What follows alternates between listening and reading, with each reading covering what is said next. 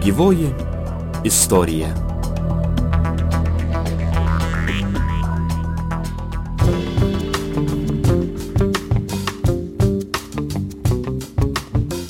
istorija. Labadiena, prie mikrofono žurnalistė Inga Berulienė. Šį kartą kalbėsime apie bibliofiliją. Poreikis kolekcionuoti retas išskirtines įmantriai įrištas knygas, kurios džiugintų savininko akį, atsirado maždaug 16 amžiuje. Esminis lūžis kolekcionuojant knygas įvyko 19 amžiuje. Iki šiol šis reiškinys, kasgi yra tikroji bibliofilija, interpretuojamas įvairiai. Cituoju vieną mintį, kuri priartina prie bibliofilijos esmės. Bibliofilas privalo turėti ne vien žinių, kurios būtinos įvertinant knygą ar teisę teisingai pasirinkti kolekcionavimo kryptį, kuri labiausiai atitiktų jo interesus. Bibliofilui privalu turėti talentą ir intuiciją. Štai šie dalykai ir skiria tikrą bibliofilą nuo paprasto knygos mėgėjo. Kaip sako menotyrininkė, knygrišė Rūta Taukinaitytė Narbutėnė. Bibliofilija tai šiaip yra gana senas reiškinys, jeigu taip žiūrėt pagal tiesioginę paprasčiausią reikšmę kaip meilė knygoms ir jų kaupimas, tai turbūt siekia viduramžius, bet e, pati knyga keitėsi per tos šimtmečius ir turbūt čia didelį įtaką turėjo XIX amžiui pramonės vystimasis, kada knygos pradėtos spausdinti ir išti masiniu būdu. Atsirado poreikis galbūt unikalioms vienetinėms knygoms ir tada jau ne tik senų ir įdomių knygų kaupimas atsirado, bet ir, sakykime, bibliofilinių leidinių leidyba ir naujas visiškai požiūris į knygos meną. Viduramžiais turėjęs penkias knygas jau galėjai garsėti kaip didelis bibliofilas, kaip ši samprata keičiasi laikui bėgant, kokius tikrųjų knygų kolekcionierių vardus žinome iš tarpukario ir kodėl lietuviška bibliofilija vis dar skiriasi nuo europinės tradicijos. Apie visą tai laidoje su menotyrininkė Vilniaus knygrišių gildijos nare Rūta Taukinaitytė Narbutienė. Pokalbį pradedame nuo klausimo, kaip knygas komplektuotų profesionalas jau turinti žinių ir gavęs neribotą kiekį pinigų. Dabar yra internetas internetas, viskas yra matoma, kas kur dalyvauja, kas ką veikia, kokie meistrai pasaulyje, kaip dirba. Tu gali išsirinkti jam, nusiųsti tą savo leidinį, susitarti, jis tau ir iš atsiųsti ir tokiu būdu tu sukaupsi nuostabią kolekciją ir šio laikišką ir prašmatinę, nu, ta prasme, kaip, kaip investicija ateičiai, nes tie meistrai jau savo vardą jau pelnė, kaip sakant, darbais. Kitas būdas, jeigu nepasitikė savo skoniu, tu gali žiūrėti, praktiškai kiekvienoje šalyje vyksta tarptautinės parodos ir, ir visur yra tie konkursai, laimėtojai, prizinės vietos, tu gali gali pas prizininkus užsisakinėti tas užsakymus, jeigu nu, apsidraust, kad tai jau tikrai būtų geras daiktas. Ir tokiu, sakau, būdu sukaupti kolekciją, nes iš tikrųjų, kai yra renkamos vien tik senos knygos ir vien tik lietų su Lietuva susiję, mes labai užsidarom tokiam siauram rate. Kyla klausimas, o ką paliks šie laikai? Kokia bus šių dienų knygrišystė ir knygos menas, ką parodys? Tai vad, juk ir senieji tie visi kolekcionieriai kaupdavo ne tik senienas, bet tai, kas yra naujausio, kas yra jų laikmečio naujovė, pažanga ir atspindys.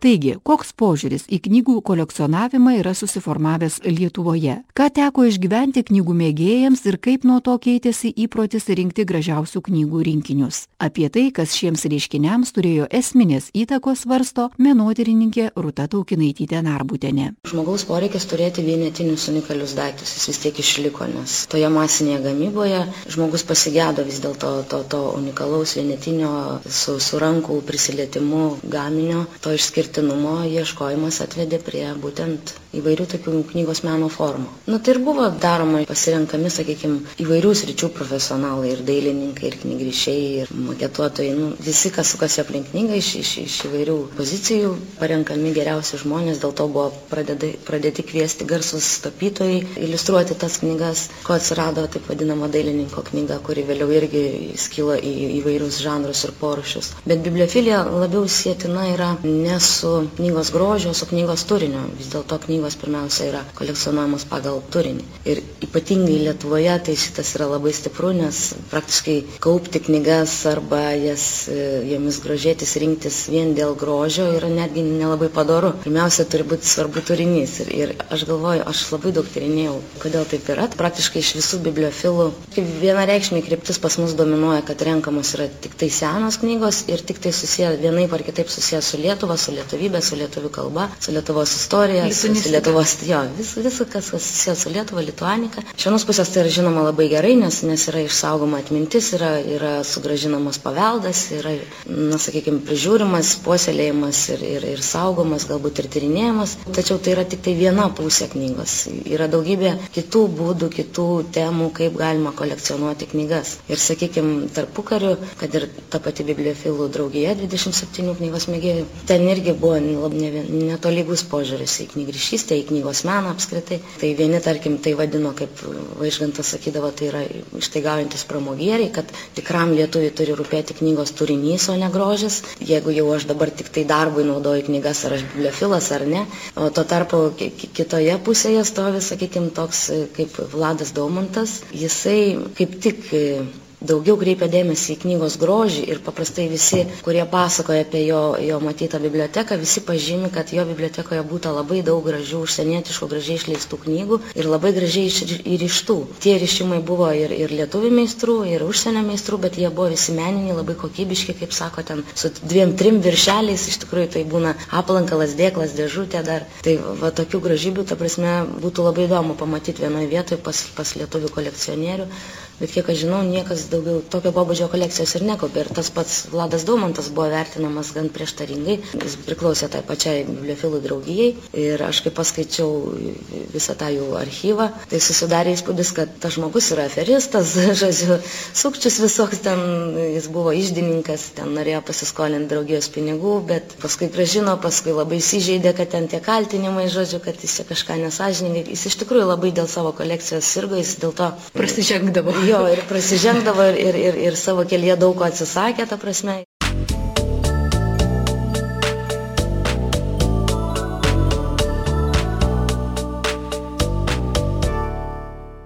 Vladas Daumantas, iš tiesų tai Vladislavas Dzimidavičius, buvo pametęs galvą dėl savo kolekcijos, dėl jos atsisakė kunigystės, diplomatinio darbo, šeimos. Liudininkai kalbantis apie jo biblioteką mini ypač meniškas, kaune neregėtas ir vietiniai akiai neįprastai prabangias, gerai įrištas knygas. Tai buvo tikras europinio mąstymo estetas, turintis gerą skonį ir skiriantis savo aplinkos stiliui daug dėmesio. Deja, ši asmenybė greičiau išskirtinumas, nes didesnė didesnė dalis tarpukario kolekcininkų didžiausią dėmesį skirdavo tik senai knygai ir jos turiniui. Sovietmečių bibliofilinė tradicija buvo tiesiog nukirsta, o knygos menui keliami visai kiti reikalavimai negu pasaulyje. Tai yra visiškai suprantama, tai, yra, tai ateina iš mūsų istorinės patirties, kadangi ir carinė okupacija, ir sovietinė okupacija labai mums pakenkė šio požiūriu. Iš vienos pusės tai buvo išnaikintas elitas, kuris ir sudaro pagrindą šitų va, kolekcionierių. Iš kitos pusės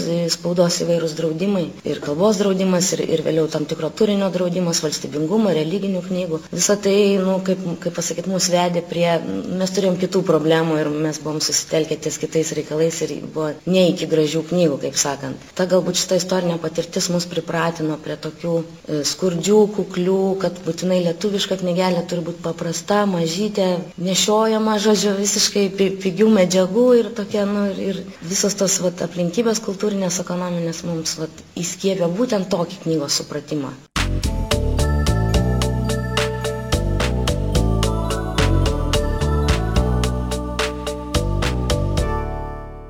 Šiuolaikinės meninės knygrišystės, be kurios neįsivaizduojama bibliofilinė knyga ištakos siejamo su Prancūzija ir Anglija. Deja, tas europinės tendencijas Lietuvoje jautė nedaugelis. Kaip pastebi Rūta Taukinaitytė Narbutėne. Na tai labiausiai žinoma pasižymėjo prancūzai, jie pirmieji galbūt pradėjo tą modernizmą įvedė į, į šitą seną amatą ir pas juos atsirado tie autoriniai ryšimai, kuomet yra nu, vienetinis viršelis sukūriamas dailininko, jie atlieka kažkoks labai geras meistras, kurių ten Paryžioje buvo, buvo daug. Visų pirma, galim paminėti, kad Paryžiuje apie 30 metus vien Paryžiuje buvo 30 bibliofilų klubų. Tuo tarpu Vilniui šitam Kaunės įsisteigė tik tai vienas 30 metais. Dabar šiuo metu Lietuvoje yra keturi, sakykime, bibliofilų klubai. Na, vien tik tie skaičiai parodo, kad ten tai buvo žymiai didesnis, masiškesnis reiškinys ir pačių knygų kiekiai ten yra dideli. Ir meistrų, ir užsakymų, ir kai tik tai pasirodydavo kažkokia naujo nugriovė, visi tie kolekcionieriai puldavo pas tą jau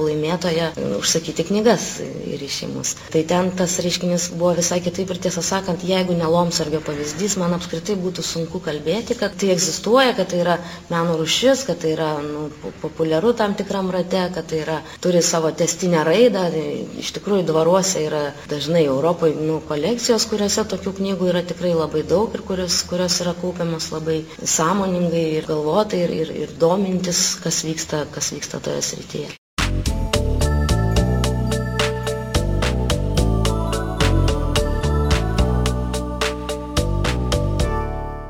Bibliofiliniai knygai labai svarbu turinys, meninė vertė ir jos rišimo būdas. Tarpukarių Lietuvoje knygas rišinėjo vienintelis profesionalas Tadas Lomsargis. 1938 metais baigęs dailiosios odos specialybę Prahos valstybinėje grafikos mokykloje. Pagrindinė dailininko kūrybos rytis buvo meninė knygrišystė. Ketvirtajame dešimtmetyje jis aptaisė apie 40 knygų. Tado Lomsargio sukurtiems knygų viršeliams būdinga lakoniška, racionali, neperkrauta kompozicija, kurios pobūdis atspindi literatūrinio kūrinio esmę. Tai vienintelis profesionalas baigęs mokslus užsienyje, pabrėžia Ruta Taukinaitytė Narbutienė. Lomsargis tai buvo tarpukariu gyvenęs ir dirbęs knygrišys, tačiau jis, jis yra ypatingas tuo, kad jis vienintelis baigė mokslus užsienyje, būtent šio amato ir, ir laikomas vieninteliu profesionalu. Tai iš tikrųjų labai jaučiasi pagal jo darbus, yra milžiniškas atotrukis nuo vietinių meistrų ir stilistinių, ir techninių požiūrių, netgi medžiagas jisai siūsdavosi iš užsienio ir tai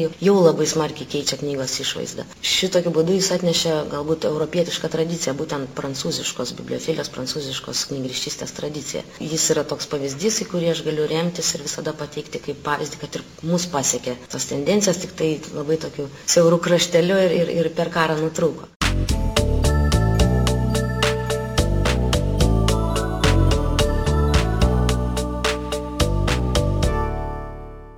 Knygos mėgėjas dažniausiai mato tik knygos tekstą, bet pati knyga tai kaip kūrinys, žodžio menas, jo likimas, materialus minties įsikūnyjimas, mokslinė, kultūrinė ir materialinė vertybė, jos sukūrimo menas. Taip žvelgdami į tą dolomsargio palikimą turbūt turėtume daugiau dėmesio skirti ne tik jo sukauptai kolekcijai išsaugoti, bet ir jai pažinti, suvokti, kurgi slypi tikrosios knygos vertės. O iš tikrųjų, kokiu būdu tenka pažinti jo palikimą, jo tas knygas? Kai kas yra, tarkim, negryžę iš pasaulinių parodų, yra New York'e, kiek žinau, likusios knygos, nes 39 metai prasidėjo sumaištis ir jos tik tiesiog negryžo. Kai kas yra kai kuriuose bibliotekose ir Vilniaus universiteto, man atrodo, ir Čiurlionio galbūt muziejai. O kai kas, kas dar buvo likę pas giminaičius, ilgą laiką nerado vietos.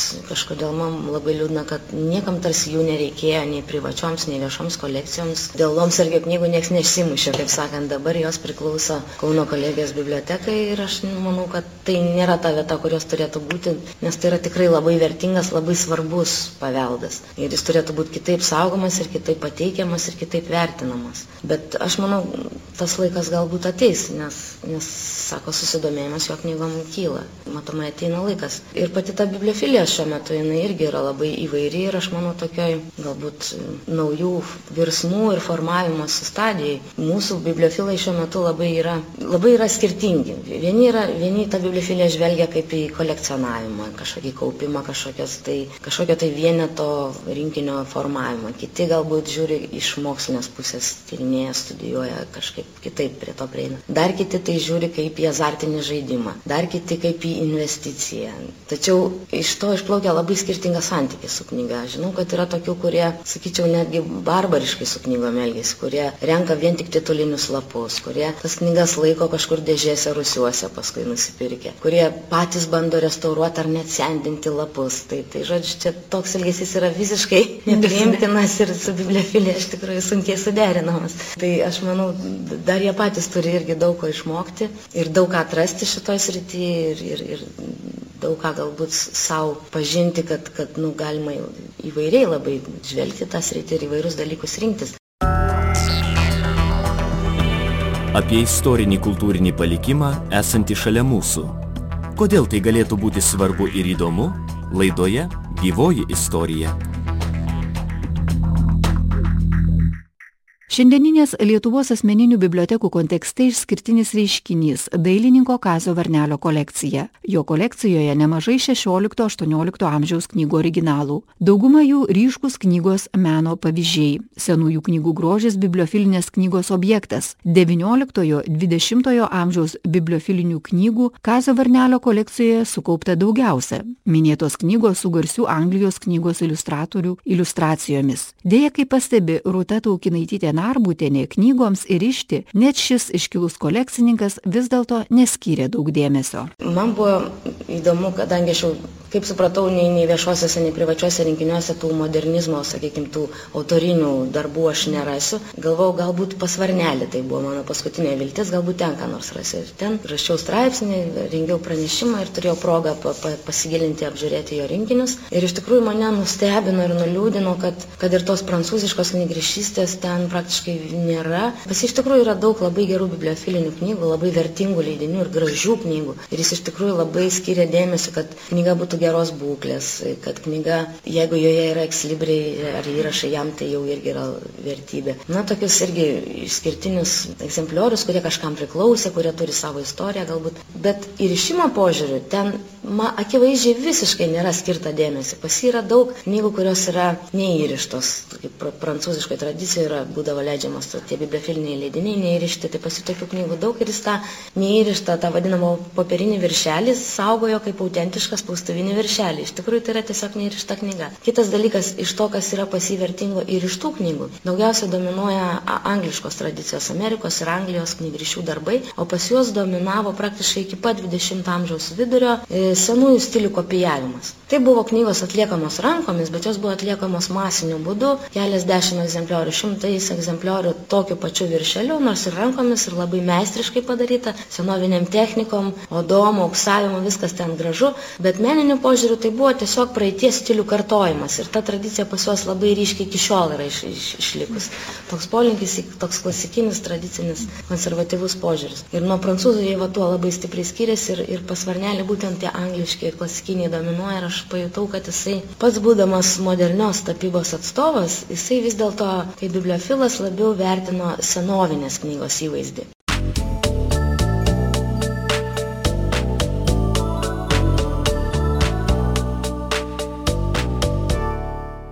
Kažkas yra pasakęs, kad gerų bibliofilų kur kas mažiau nei talentingų rašytojų ar dailininkų. Tikras bibliofilas tai genijus. Apie vieną tokių dariusi įtaką atskiram knygrišystės stiliaus sukūrimui Europoje pasakoja Ruta Taukinaitytė Narbutėne prancūzas Žakas Duse, kuris tarpukariu irgi rinko knygas ir, ir jo biblioteka garsėjo Paryžiuje, tai jisai savo bibliotekai ir namą pastatė atskirą, ir, ir bibliotekininką samdė, kuris ten prižiūrėjo, tvarkė katalogus ir, ir viską. Konsultavosi su garsiausiais tuo metu, keturiais garsiausiais tuo metu rašytojais, ką rinkti. Ne pats savo nuožiūrą, aš čia vienas viską suprantu, bet jisai konsultavosi su profesionalais, su ekspertais, su tikrais savo srities profais, kaip sakant, ir, ir nieko nedarė vienas. Ir štai surinkęs puikią kolekciją tų tekstų, netgi rankraščių to meto rašytojų. Jisai norėjo suderinti ardeko architektūrą su tais kūriniais, todėl, sako bibliotekininkė, eik suras man tokį knygryšį, kuris padarytų tokius šiuolaikinius įrišimus, kurie derintųsi prie mano vat, naujos architektūros ir, ir būtų tokia, kokios dar niekas nedarė. Ta bibliotekininkė iš tikrųjų vaikščiojo, ieškojo, nerado tokio knygryšio ir sako, nu, nu, nėra tokių.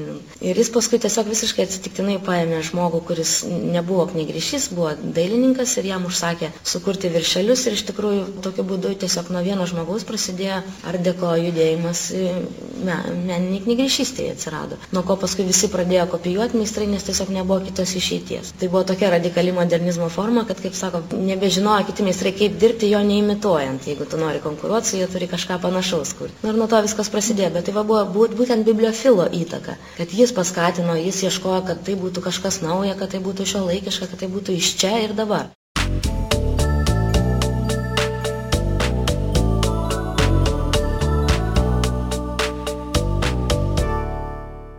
Keičiasi knygos formos, šis laikotarpis kelia daug klausimų ir bibliofilus verčia žengti kartu su laiku. Gyvenimas reikalauja atsakymų, o kas toliau? Profesionalai skatinantis ugdyti visapusišką supratimą apie knygą laukia edukacinės iniciatyvos ir iš bibliotekų. Apie tai, su kokiais knygų gražinimo užsakovais tenka susidurti, kaip knygrišiai pasakoja Ruta Taukinaitytė Narbutėne. Tai vairiai, mes jeigu pagal užsakymus, tai dažniausiai tenka būtent senas knygas taisyti arba restauruoti. Labai retai, bet pasitaiko, na, kai duoda naują knygą ir išti ir, ir tavęs neriboja, tai iš principo jau kaip ir meninį ryšimą gali daryti. Bet e, pagrindė meniniai ryšimai jo mes darom daugiausia parodoms ir, kaip sakant, parodyti savo galimybės, ką mes mokam, kiek mes galim, kiek mes norim, kaip mes matom. Šiuo metu tai yra jo, iš tikrųjų, jeigu anksčiau paskata būdavo bibliofilų užsakymai knygrišystėje vystytis, dabar didelė iniciatyva pareina iš paties knygrišio, kiek jis nori, kiek jis gali daryti ir, ir rodytis. Ir, ir daugiau tai yra tokia na, laisva kūryba. Gerai, jeigu paskui atsiranda kas, kas nuperka, susidomi galbūt. Bet kalbant apie bibliofiliją, tai aš manau, čia ne tik tų privačių bibliofilų reikalas, vis dėlto pavyzdį madą galbūt ir, ir viešosios bibliotekos galėtų rodyti. Nes lygiai taip pat nėra nei specialiai sąmoningai formuojamų rinkinių atsižvelgiant į, į ryšimą. Nėra, kad bibliotekos išleistų savo, kad, nu, savo gražiausių, įdomiausių ryšimų katalogą, pavyzdžiui, renktų parodas tą temą, ką turi savo rinkiniuose. Pagaliau aprašuose skirti daugiau dėmesio ne tik medžiagoms, bet ir prašymui to įrišimo. Na, tokių daug niuansų, iš ko galbūt tie bibliofilai imtų pavyzdį, iš, nu, stebėdami viešojo biblioteko elgesį su šitas rytim, galėtų kartoti.